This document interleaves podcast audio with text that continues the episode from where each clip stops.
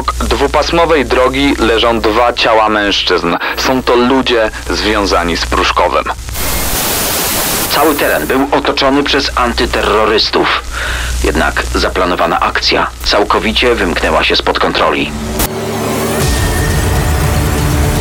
Sceny zbrodni w RMFFM. Dobry wieczór, powracamy. Kamil Barnowski. I Daniel Dyk. Dzień dobry, jakbyście jednak słuchali nas za dnia. No, też można tak zrobić. No i właśnie, wy mieliście długi weekend, a my przygotowaliśmy dla was coś zupełnie nowego, zupełnie specjalnego. Opowieści mafijne i to w wykonaniu scen zbrodni. Zapraszamy. Skupiamy się na początkach mafii polskiej. Jeżeli nie znacie tego tematu, to mam nadzieję, że, że wciągnie was tak, jak wciągnął nas. Daniel Dyk i Kamil Barnowski prezentują Sceny zbrodni w RMFFM. Proszę Państwa, y, 4 czerwca 1989 roku skończył się w Polsce komunizm. No właśnie, skończył się w Polsce komunizm, zaczęła się w Polsce, można powiedzieć, przestępczość zorganizowana. I o tym dzisiaj w mafijnych opowieściach w RMFFM, o początkach mafii w Polsce. Skoro początki te same, najpierwsze to kradzieże krów, owoców, ziemniaków, później samochody z Niemiec. Pamiętna wojna o bramki w dyskotekach, o tym nie zapominajmy. Generalnie kontrabanda szła przez granicę, kończyło się to wszystko na handlu narkotykami na gigantyczną, niewyobrażalną wcześniej skalę. Ale tutaj pojawia się pytanie, skąd wzięli się ci ludzie? Polska mafia? Tak. No początkowo byli to drobni przestępcy, recydywiści, przemytnicy, cinkciarze, kto pamięta jeszcze to słowo, ludzie handlujący obcą walutą. Generalnie ludzie jakich tysiące w Polsce. Ja znalazłem taką informację, że jeden z późniejszych baronów polskiej mafii, Henryk Niewiadomski, pseudonim Dziad, rozpoczynał od przekrętów na żywności. Na przykład na śmietanie. Jeździł samochodem i sprzedawał prawdziwą, nierozcieńczoną mlekiem, takiej jakiej nie można było dostać w sklepie. Sprzedawał też na bazarach pyzy, no ale tutaj o żadne jedzenie nie chodziło, tylko chodziło o piwo, ale tego słowa powiedzieć na głos nie można było. Pyzy, pyzy, tak, zupełnie innego znaczenia nabiera dzisiaj obiad.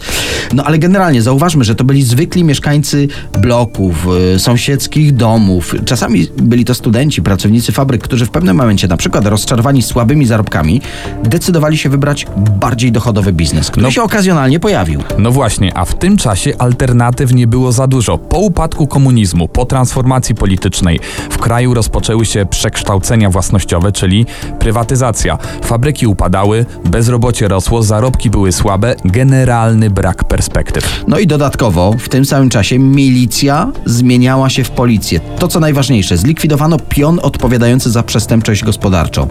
Wielu uważa, że właśnie stąd wziął się przemyt alkoholu, papierosów, wszelkiego rodzaju przestępstwa gospodarcze.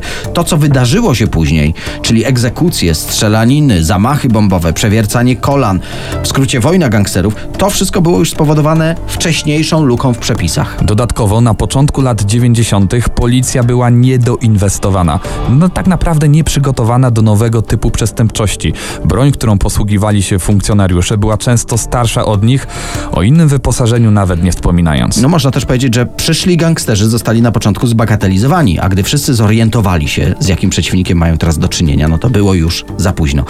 Osoby wyspecjalizowane w ściganiu przestępstw gospodarczych odeszły już na emeryturę, zajęły się innymi, spokojniejszymi zawodami. I właśnie tak, w Polsce, w kraju nad Wisłą, powstało prawdziwe Eldorado dla przestępców. Przestępców, którzy bogacili się w niespotykanym wcześniej tempie.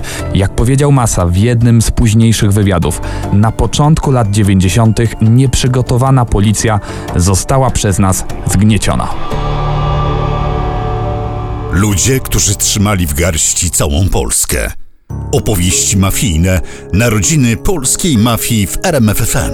Jesteśmy nadal w latach 90. Wtedy w Polsce brakowało dosłownie wszystkiego.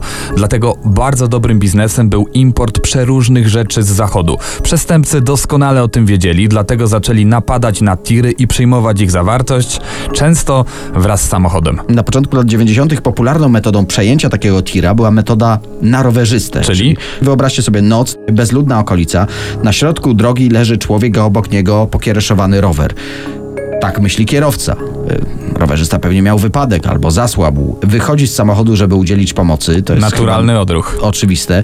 Samochód zostawia z kluczykami w stacyjce. W końcu jest noc, a jedyne światło to właśnie reflektory jego ciężarówki. Wychodzi z kabiny, podchodzi do poszkodowanej osoby, no i wtedy z zakrzaków, jak się domyślacie, wybiega jakiś inny przestępca, wsiada do tira, odjeżdża z towarem, kierowca biegnie za nim. W tym czasie rowerzysta, jakby nigdy nic, zdrowieje, wsiada na rower, odjeżdża z miejsca kradzieży. Perfekcyjna akcja, żadnych świadków, no nie było słabych punktów. Ale a propos tirów, gangsterzy byli bardzo przebiegli, dlatego zaczęli robić bardziej finezyjne zasadzki na samochody przemytników. No Czyli to, nie trzeba przemycać, wystarczy na nich zaczekać. to jest idealny cel. W samochodzie były towary bez akcyzy, nielegalnie przywiezione do kraju, nikt o nich oficjalnie nie wie. Dalej, jeśli okradniesz takiego przemytnika, no to on nie pójdzie na policję. Przecież nie przyzna się, że w trakcie, gdy popełniał przestępstwo, ktoś go okradł. A nawet jeśli, no to szukaj wiatru w polu. Jeszcze inną ważną informacją jest fakt, że gangsterzy współpracowali z byłymi funkcjonariuszami tajnych służb. Tacy ludzie mieli dostęp do informacji na wagę złota, czyli gdzie znajdują się najlepsze szlaki przemytu. Y, Wiedzieli, jakich metod używa policja. Tak, a w przypadku niepowodzenia pomagali odzyskać towar. Za swoją pracę brali oczywiście odpowiedni procent. W Polsce głośno o przestępczości zorganizowanej zrobiło się po masakrze w Siestrzeni i trzeba przyznać, że gangsterzy w mediach otrzymali dla siebie najlepszą możliwą reklamę. Ale o tym już za chwilę.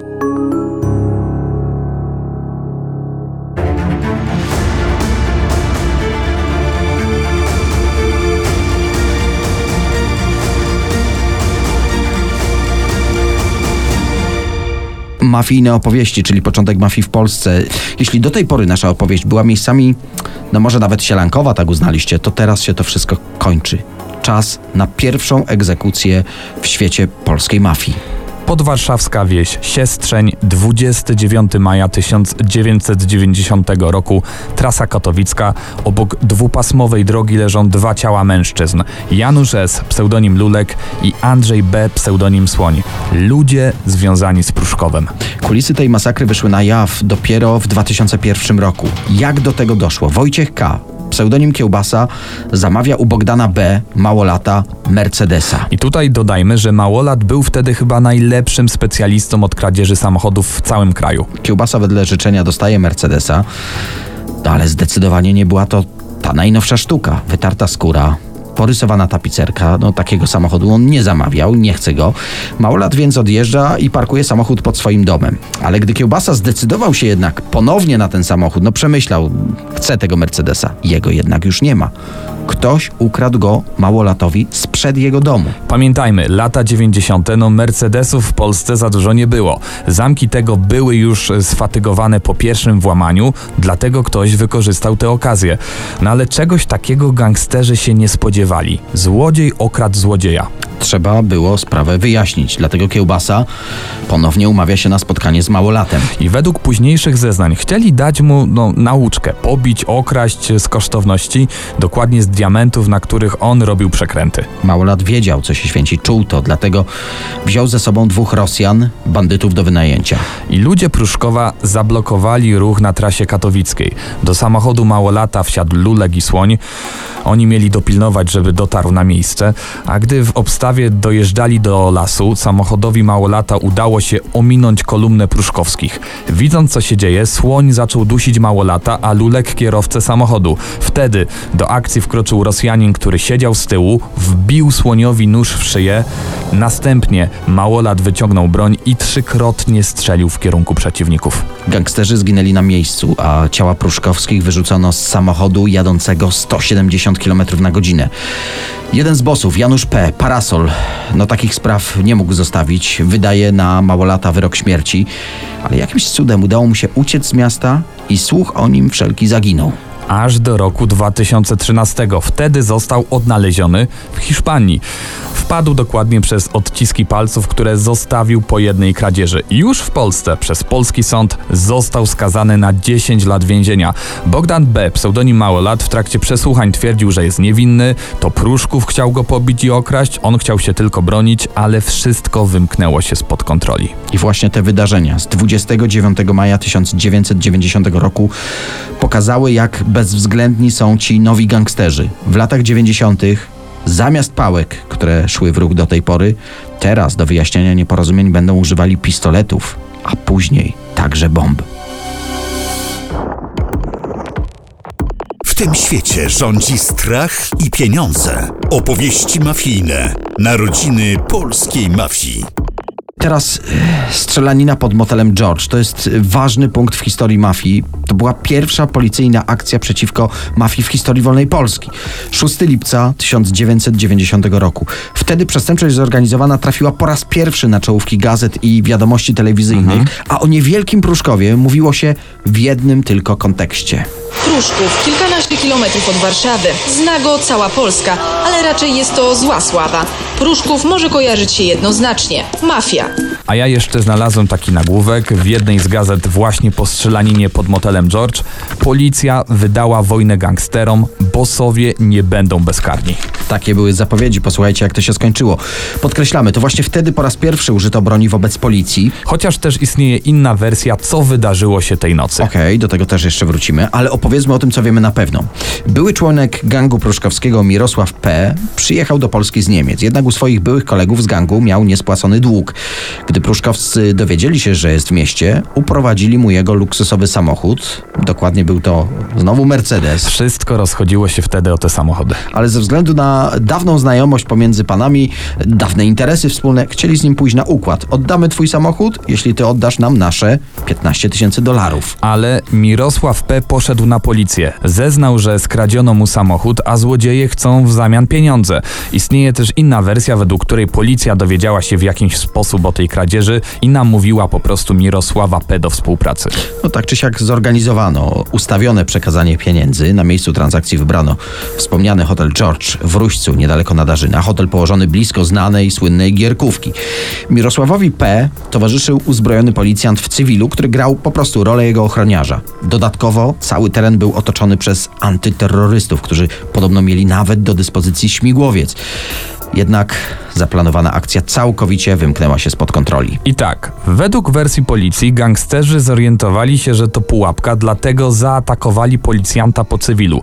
Funkcjonariusz został uderzony w głowę, w odpowiedzi wyciągnął broń i zastrzelił Andrzeja C. pseudonim Szarak i poważnie ranił Janusza P. pseudonim Parasol. No, taka była wersja policji. Według gangsterów policjant jako pierwszy wyciągnął broń, miał grozić gangsterom. Dodajmy, że rzeczywiście nie znaleziono przy nich broni. Gdy zaczęli uciekać, no, śmiertelnie postrzelił w plecy Szaraka. Dodatkowo w trakcie procesu ustalono, że policjant został zaatakowany od tyłu, a za nim stał wtedy tylko Mirosław P. Generalnie w procesie było bardzo dużo wątpliwości, brak twardych dowodów. Należy też pamiętać, że policjanci posłużyli się prowokacją operacyjną, a wtedy nie było czegoś takiego w kodeksie karnym. Po prostu policja popełniła sporo błędów. Jak było naprawdę nie wiadomo, pewne jest tylko to, że wszystkich gangsterów biorących udział w tej wymianie uniewinniono. Natomiast w Polskę ruszyła wiadomość, że mamy mafię, która działa dokładnie tak, jak na amerykańskich filmach.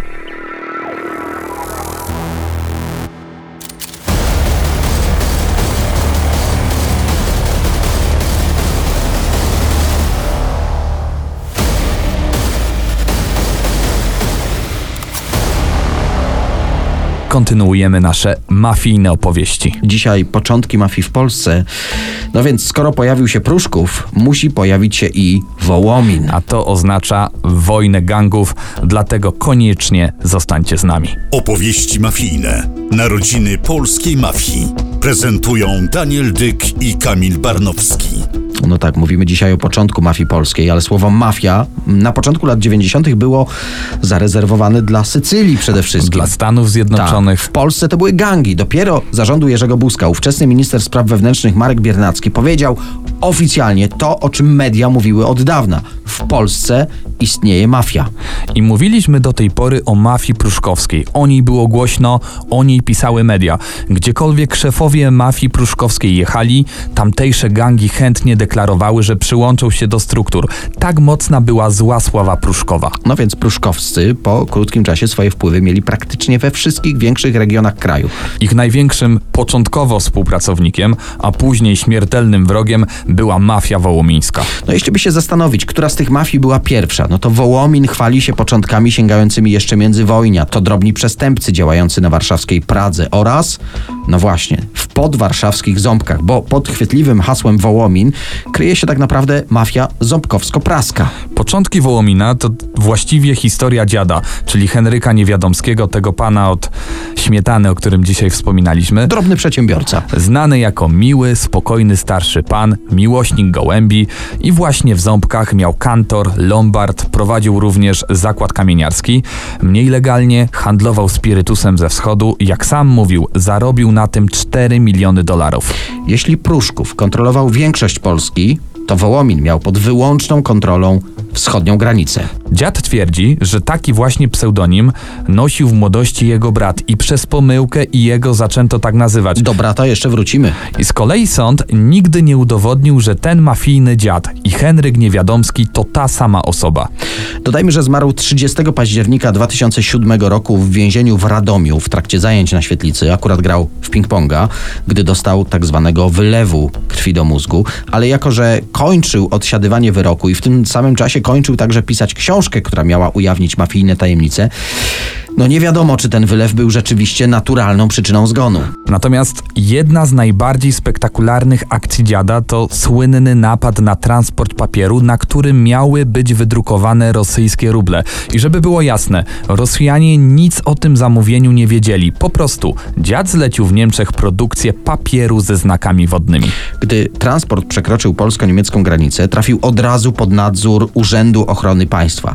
E, UOP miał przecieki, że coś dużego się szykuje. Dziad jednak no, zupełnie skompromitował nasze służby specjalne w tajemniczych okolicznościach, ukradł to swoje 5 ton papieru. Żeby było jasne, o jakich ilościach mówimy. Ekonomiści są zdania, że gdyby wszystko to przerobić na fałszywe ruble, wprowadzenie ich na rynek mogłoby w latach 90. doprowadzić do upadku rosyjską gospodarkę. Szykowała się pełna kompromitacja, szykował się międzynarodowy skandal, więc UOP no, chciał dogadać się z dziadem i rzeczywiście udało się. Dziad oddał papier, ale tylko nieco ponad 3,5 tony. Nareszcie gangsterzy wydrukowali fałszywe ruble. Półtorej tony, praktycznie nie do odróżnienia od prawdziwych. Wspomnieliśmy już o podziale Polski na dwie strefy mafijnych wpływów. Policja widziała to tak. Na zachód od Wisły pruszkowscy, na wschód wołomińscy i mimo, że gangsterzy nie pochodzili z okolic tych miejscowości, to ten podział podłapały media. Mówiliśmy, że obie mafie ze sobą współpracowały. Był nawet taki epizod, gdy domniemany, podkreślamy to szef Wołomina Dziad, został złapany na transporcie nielegalnego spirytusu równocześnie z zarządem Pruszkowa, ze Słowikiem, z Oczkiem. Ale w 93 roku między mafiami wybuchła krwawa wojna. Tak, poszło o pieniądze i poszło o wariata. Mówiliśmy już, że dziad, domniemany szef Wołomina, miał starszego brata.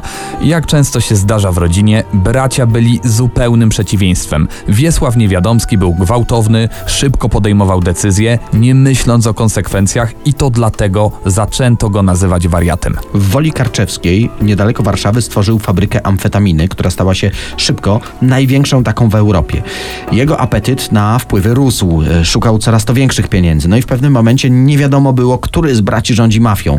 To wariat wydawał rozkazy w tych najbardziej głośnych sprawach. To on kazał porwać pruszkowskiego bossa Wańkę, co się nie udało. To on zlecił zastrzelenie Pershinga, ale kule zamiast bossa Pruszkowa trafiły jego ochroniarza i kierowcę Florka. Tego Pruszków nie mógł tak zostawić. Szukał odwetu. W Warszawie wybuchały bomby podkładane pod samochody oraz w restauracjach i klubach nocnych konkurencji. Gangsterzy ginęli w ulicznych strzelaninach. Brat wariata, przypomnijmy. Wśród licznych legalnych interesów dziad prowadził zakład kamieniarski i on wyliczył, że na zmarłych kolegach z branży dorobił się naprawdę okrągłej sumy. Wyprodukował około 70 nagrobków z nazwiskami mafiozów. Dziad o tej wojnie gangsterskiej w Warszawie mówił krótko. To był Mały Wietnam. Ta wojna, ten Wietnam, skończył się po pięciu latach, gdy pruszkowscy dopadli wariata. Dokładnie 6 lutego 98 roku wysiadł z auta pod delikatesami na ulicy Płowieckiej w Warszawie. Tu dosięgły go kule z broni automatycznej. Sprawcy do tej pory nie ustalono. Kontynuujemy. Jesteśmy na etapie, gdy mafiozi w Polsce stawali się celebrytami. Ich wpływy sięgały 50 milionów dolarów. To są informacje od świadków koronnych. 50 milionów dolarów rocznie. Z takimi pieniędzmi żyli w Polsce jak królowie. Mówimy o początku lat 90., gdy generalnie po PRL-u wszystkiego nam brakowało, a oni, oni to mieli. Oni mieli najlepsze samochody, mieli domy z basenami, mieli te przysłowiowe złote klamki. Chłopaki z małych miejscowości, z wykształcenia mechanik samochodowy jak Pershing, ogrodnik jak Nikoś, oni stali się kimś, o kim pisały gazety. Pershing starał się być blisko polityki, utrzymywał kontakty z wicepremierem, z ministrem sportu, bywał na walkach Andrzeja Gołoty i nawet szeptano, że najsłynniejszy polski pięściarz jest jego ochroniarzem, czemu podkreślamy to, Andrew oficjalnie zaprzeczył. Dodatkowo Pershing regularnie korzystał z porad znanego jasnowidza, Krzysztofa Jackowskiego. I to on podobno miał mu przepowiedzieć, że umrze śmiercią naturalną. Ale jak się miało okazać parę lat później, zginął od kul mafijnej konkurencji, no co można uznać rzeczywiście dla mafiozów lat 90. za coś w rodzaju no, naturalnej przyczyny śmierci. Skoro o tym mówimy, no to odsiadujący wyrok za zabójstwo Pershinga Ryszard Bogucki. On sprzedawał polskim celebrytom luksusowe samochody, dostał nagrodę Srebrnego Asa Polskiego Biznesu, ożenił się z Miss Polski. Mówimy o tych związkach z tym, z tym takim światem z pierwszych stron gazet. No to musimy też powiedzieć, że był sponsorem głównym wyborów Miss Polonia i przyczyną jednego z głośniejszych skandali. Miss Polonia 92. Pani z numerem siódmym. Ewa Wachowicz. No i według różnych, zaznaczamy, nieoficjalnych informacji, podarowany przez jego legalnie działającą firmę samochód dla najpiękniejszej, jak się okazało, w trakcie przeglądu okazał się kradziony. Organizatorzy wystąpili do sponsora o zapłatę równowartości auta w gotówce. Czy tak było na pewno nie wiemy, ale to jest jedna z tych szeptanych informacji. E, Nikoś z kolei w latach 80. założył w gdańskim Jelitkowie nielegalny dom gry i do tego kasyna przyjeżdżało podobno wielu znanych i bogatych. Został też jednym ze sponsorów Lechii Gdańsk, pomógł klubowi wejść do pierwszej ligi, dostał wtedy tytuł zasłużonego obywatela Gdańska, no i dodatkowo zagrał w filmie Sztos Olafa Lubaszenki, epizod u boku Jana Nowickiego. Eryk? A, cześć. Co słychać? Cześć. W porządku. No i dodajmy, że Nikoś pomógł też wielu osobom z pierwszych stron gazet. Jak komuś sławnemu kradziono auto, a to się często zdarzało, podobno wystarczyło zwrócić się do niego, a on potrafił je w jakiś cudowny sposób odzyskać. Przejdźmy teraz do Słowika. On swoją sławę gangsterską zyskał po tym, jak udało mu się w 93 załatwić ułaskawienie od Lecha Wałęsy, a już po tym, jak wyszedł kolejny raz z więzienia w 2013 roku, były boss Pruszkowa stał się prawdziwym celebrytą, za którym biegali paparazzi, wystąpił nawet w teledysku znanych polskich raperów. Była żona Słowika także zrobiła karierę. Pamiętamy wywiady o życiu mafii, książki ze wspomnieniami. No ale skoro już mówimy o życiu gangstera celebryty, to musimy powiedzieć o Masie, nazywanym pierwszym polskim świadkiem koronnym. Zawsze trenowałem na masę. Człowiek o najniższym tembrze głosu w Polsce. Kiedyś znaliśmy go tylko i wyłącznie z takich właśnie zniekształconych zeznań. Ale tak naprawdę jego zeznania pozwoliły rozbić mafię pruszkowską. Ponadto jego książki, wywiady, konsultacje przy produkcji filmów i seriali to wszystko stało się częścią polskiego show biznesu. Jakkolwiek to zabrzmi, mafia lat 90. stała się częścią naszej kultury, a przynajmniej ci, którym udało się nie zginąć. Płatni zabójcy, seryjni mordercy i sceny zbrodni w RMFFM. No i chciałoby się więcej, chciałoby się więcej. To jest taki temat, że im bardziej się w to wszystko zagłębiasz, tym więcej ciekawych szczegółów do ciebie trafia. Ale kto wie, co będzie w następnym odcinku naszego podcastu. Może właśnie pociągniemy taki temat, jeśli naszym słuchaczom oczywiście się to spodoba, bo my zawsze liczymy się z waszym zdaniem. Dajcie po prostu znać w komentarzach. Za dzisiaj bardzo dziękujemy. Daniel Dyk. I Kamil Barnowski, do usłyszenia. Daniel Dyk i Kamil Barnowski prezentują Sceny zbrodni w RMFFM.